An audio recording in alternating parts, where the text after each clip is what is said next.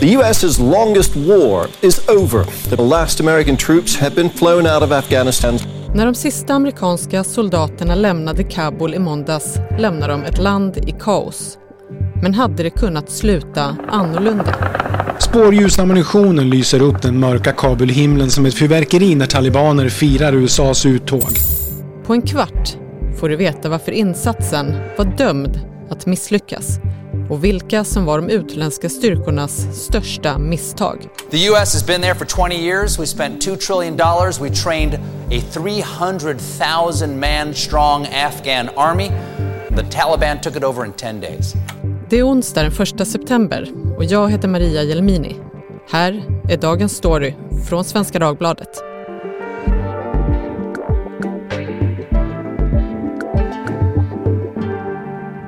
Göran Engström, du är frilansjournalist och du har bevakat Afghanistan nu i närmare 15 år och du har varit där ett 30-tal gånger sedan år 2006 när du var där första gången. Ehm, du var också där i juni på uppdrag av SvD bland annat. Hur skulle du beskriva stämningen i Afghanistan när du var där då i juni? Eh, det var ganska likt skulle jag säga eh, hur det har varit de senaste åren. Eh, det vill säga det var ingenting direkt som tydde på att, att det som nu har skett med det snabba övertagandet av, av talibanerna, att det skulle ske. I alla fall inte så snabbt. De här scenerna som vi har sett från Kabul den senaste veckan eller senaste två veckorna har ju varit fullständigt fruktansvärda och vi ska försöka borra lite i vad som ligger bakom att det blev just så här. Borde man ha befarat att det skulle bli exakt så här när de utländska styrkorna lämnade? Ja, både och skulle jag vilja säga. För, för ett par månader sedan så var det ju ingen som trodde att USA skulle lämna så abrupt eh, som de gjorde. Och även om det fanns indikationer på att regeringen inte skulle kunna stå emot trycket från, eh, från eh, talibanerna så var det nog ingen som trodde att övertagandet skulle gå så fort och så enkelt. Inte minst hur de afghanska säkerhetsstyrkorna eh, eh, kunde ge upp och, och överlämna vapnen så lätt till talibanerna. Vi ska komma tillbaka till den frågan, men allra först så om man backar bandet till eh, 2001. Eh, hur skulle du beskriva det Afghanistan som USA och de utländska styrkorna mm, kom till? Det, det, som man kom till 2001 var ju på ett sätt ett land som var ockuperat men då av talibanerna. Eh, det var ett land som... Eh, det var ett, skrä, ett skräckstyre som byggde på, på, på straff och eh, och skrämselpropaganda egentligen, förtryck. Man ska då också tänka på att det, talibanrörelsen uppstod ur det inbördeskrig som, eh, som hade eh, skakat eh, landet eh, i början på 90-talet som var eh, där, där Kabul fullständigt raserades och där, där eh, de olika krigsherrar och så som hade gått under gemensam flagg och drivit ut eh, först Sovjetunionen och sedan störtat den inhemska kommunistregimen. Eh, hur de vände, sen vände vapnen mot varandra och det blev ett fullständigt laglöst, fullständigt eh, kaotiskt, in, blodigt inbördeskrig. Och ur det, den laglöshet där som, som uppstod så, så, så eh, reste sig då talibanrörelsen som en motkraft mot det här. Sovjets ockupation av Afghanistan 1979 blev ännu ett krig mellan kalla krigets två stormakter som utspelade sig i någon annans land.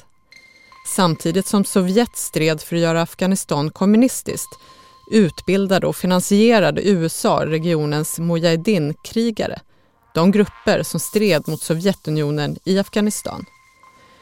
När Sovjet drog sig ur landet efter tio år, 1989, hade 1,5 miljoner afghaner dödats och landet fastnade i ett inbördeskrig mellan de olika grupper som hade stridit mot ryssarna. I det laglösa Afghanistan bildades talibanrörelsen av de Mujahedin-krigare som USA stöttat.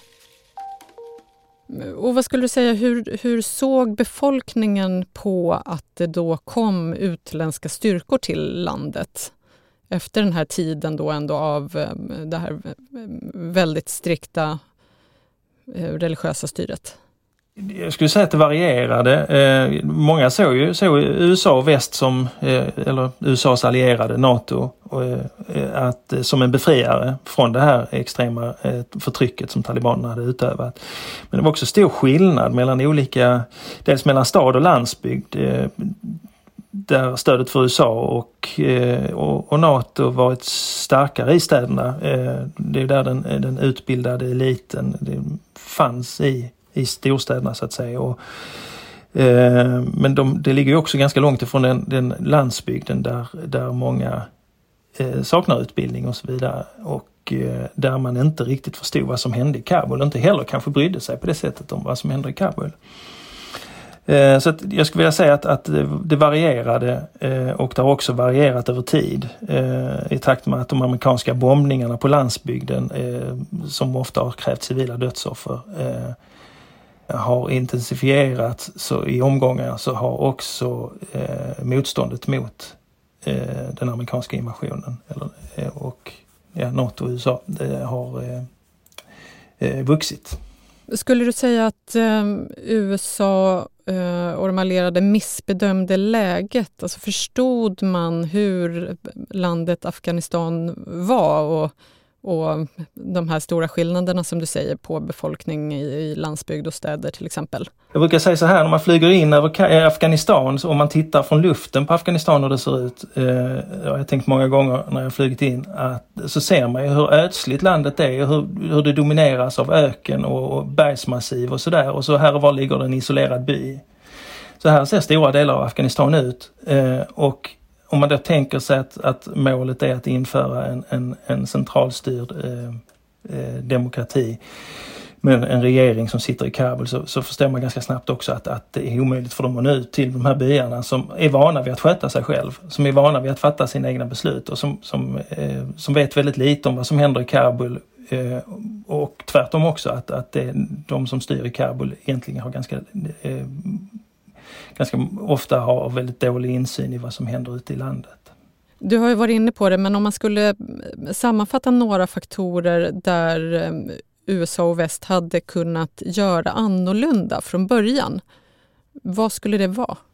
Nej, jag tror att man gjorde väldigt många olika eh, misstag och missbedömningar och att man inte riktigt förstod eh, där fanns till exempel demokratiska strukturer, om vi nu pratar om, struktur, eh, om demokratibygget, som, så fanns det dem, demokratiska strukturer redan när man eh, redan när man gick in som man skulle utnyttjat kanske i större utsträckning. Till exempel byråd. Det är den, den, liksom den enklaste saken att man, man tillvaratar de demokratiska krafter som finns och har byggt vidare på det. Att Man har byggt underifrån istället för att försöka implementera en, en centralstyrd demokrati som nog hade väldigt små chanser att, att eh, lyckas. En annan sak som många bedömare också har kritiserat, i alla fall nu efterhand, är ju just det här att man helt utgick från amerikansk modell när man också skapade regeringsstyrkorna. Alltså en modell som, som dessutom då bygger på att det finns eh, ett fungerande vägnät, infrastruktur, telefonnät, internet och så vidare. Jag skulle säga att det är är uppenbart att de afghanska styrkorna, speciellt i de utsatta områdena som Helmand, Kandahar och i söder och Kunduz i norr varit beroende av och vant sig vid att ha tillgång till till exempel till amerikanskt flygunderstöd. Och eh, när det kommer till annan infrastruktur så har det byggts en hel del vägar, telefonnät och sådär och internet som skulle kunna, eh, som skulle kunna ha, ha varit en del av den här eh, så att säga, krigsmakten, eh, en viktig del. Eh, men mycket av det har ju blivit förstört också under under kriget inte minst av eh, talibanerna som förstått sårbarheten i systemet och konsekvent bombat både telemaster och kraftstationer. Sen är det klart, sen har man i, i många fall också satsat på, på, på vägar som kanske har varit mer av prestigebygden. Till exempel om man tittar på infarten från Kandahars flygplats in mot centrum så är den jag tror den är, är, är liksom, det är sexfilig, väldigt liksom spikrak väg som har blivit liksom som en, en nästan som ett eh, paradstråk på väg från flygplatsen in mot centrum. Om man då tänker på hur de flesta afghaner färdas, eh, antingen till fots eller på cykel eller kanske på en åsnerygg så är det ju, inser man ganska snabbt att det var inte där pengarna skulle satsas utan det kanske skulle ha varit på mer på, på mindre prestigefyllda men, men eh, mer användbara vägar för, för afghanerna. We've had tremendous success in Afghanistan in the killing of terrorists, but it's time, after all these years, to go and to bring our people back home. I februari förra året, på ett lyxhotell i Qatars huvudstad Doha, undertecknade USA ett fredsavtal med talibanerna. USA lovade att dra tillbaka sina styrkor inom 14 månader, att släppa 5 000 talibanfångar och att inte lägga sig i Afghanistans inre angelägenheter. Talibanerna lovade i sin tur att inleda förhandlingar med den afghanska regeringen och garanterade att de aldrig skulle göra Afghanistan till en fristad för terroristnätverk som al-Qaida eller IS och inte heller rekrytera, utbilda eller finansiera sådana rörelser. The Taliban and the Afghan government live up to their commitments, and they may or they may not, but I think we have a lot of reason why they will. I think they will. Men sen talibanernas övertagande av Afghanistan med avsikten att införa sharia-lagar och skapa ett emirat har meningsmotståndare, domare, journalister och människorättsaktivister mördats. Men om man, om man nu tittar på vad man lyckades åstadkomma under en, en 20-årsperiod, hade tio år till gjort någon skillnad skulle du säga? Nej, det tror jag inte. Inte som utvecklingen var nu. Det, där måste jag säga att, att eh, man kan kritisera USA och, och president Biden för, för, för, hur de har skött det här utträdet. Men att, att det var liksom ett, ett, ett förlorat krig, det var ju helt tydligt och eh, att det behövde någon slags för, behövdes någon slags förändring och att det var också tydligt. Men, men att ha stannat kvar i tio år till, det hade inte gjort någon skillnad. En, en annan slående sak har ju, har ju som sagt varit det oerhört snabba övertagande som talibanerna ju gjorde Afghanistan nu. Um, hur, hur kommer det sig att det gick så fort? Det finns flera skäl till att det gick som det gick, att det gick så fort. Och för det första skulle jag säga att det var ingenting som skedde över natt, eh, det här maktövertagandet, utan det är ju någonting som talibanerna har förberett ända, egentligen ända sedan, man slöt det här avtalet i, i februari 2020 där USA lovade att, att vara ute ur, eh, att lämna landet. Och det har ju varit allt från, från eh, att man har bearbetat eh, politiker, lokala politiker, guvernörer och, och eh, eh, militära befälhavare. Både genom att utlova amnesti om de ger upp eh, men också eh, enligt vad jag har eh, förstått så, så har man också erbjudit pengar. Eh, också talibanerna lovade att, att inte döda de som gav upp det var ett erbjudande som även, eh, även USA fick eh, när, när man gick in 2001 och då erbjöd sig talibanerna att överlämna Osama bin Laden eh, via tredje land och eh, man sa också att vi ger upp om vi får amnesti men då var inte USA intresserad av det. Eh, utan man, man drevs ju av både någon slags hämnd efter 11 september-attackerna och man ville ha ett, ett, en, eh, total kapitulation från talibanernas sida. Eh, det kan ju också sägas att det kanske hade det sett annorlunda ut idag om man hade inkluderat talibanerna redan där i början, eh, runt 2001 när man gick in. USA har lämnat Afghanistan, talibanerna firar, men vad kommer hända nu? I måndags lämnade så de sista amerikanska soldaterna Afghanistan. Under de 20 år som USA stridit i landet har man spenderat motsvarande 20 000 miljarder kronor på kriget. Afghanistan är idag världens sjunde fattigaste land. Men sedan 2001 har antalet barn som går i skolan ökat från runt 800 000 till över 9 miljoner i landet. Och andelen flickor har ökat från nära noll till 39 procent. Vad tror du om utvecklingen framåt? Hur, hur kommer det se ut i Afghanistan närmaste tiden men också kommande år, skulle du säga? Jag tror att det kommer att vara, att det kommer att bli väldigt stökigt framöver. Jag tror inte, jag tror inte på någon form av inklusiv eh, eller inkluderande regering som man pratar om det, risken är stor att det kommer att bli ganska blodigt framöver eh, och risken är stor att landet kastas in i ett nytt inbördeskrig liknande det på, eh, som, som var på, eh, i början på 90-talet. Och man har redan sett tendenser till att kvinnors situation redan har, har skärpts drastiskt till exempel. Man har haft offentliga avrättningar och så vidare. Mm. Och det, de vittnesmålen har ju kommit redan tidigare. Alltså redan innan eh, talibanerna tog över de stora städerna och så. Utan stora delar av landsbygden har ju varit eh, åtminstone delvis eller helt kontrollerade av talibanerna sedan tidigare.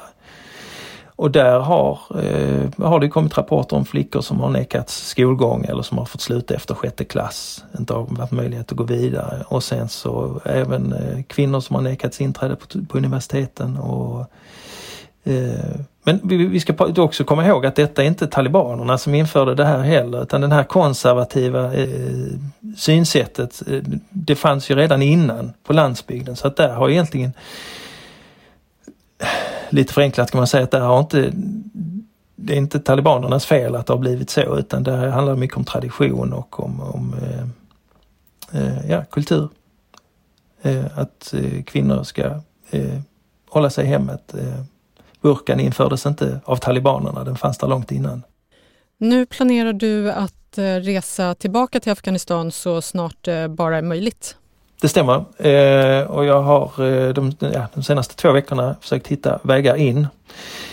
Eh, det är inte det enda problemet för skulle man hitta väg in så är det just nu väldigt svårt att hitta en väg ut. Och eh, då får man det i så fall eh, kanske förbereda sig på att stanna i, ja, på obestämd tid. Det kan röra sig om flera månader skulle jag tro. Tack Göran för att du var med i Dagens Story. Tack för att jag fick vara med.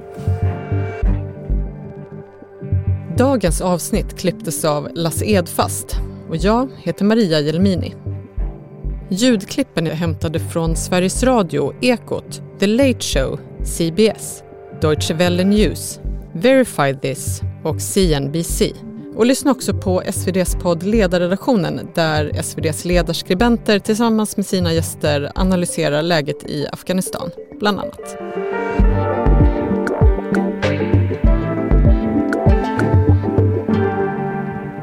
Du har lyssnat på Dagens Story från Svenska Dagbladet. Vill du kontakta oss så mejla till dagensstory svd.se.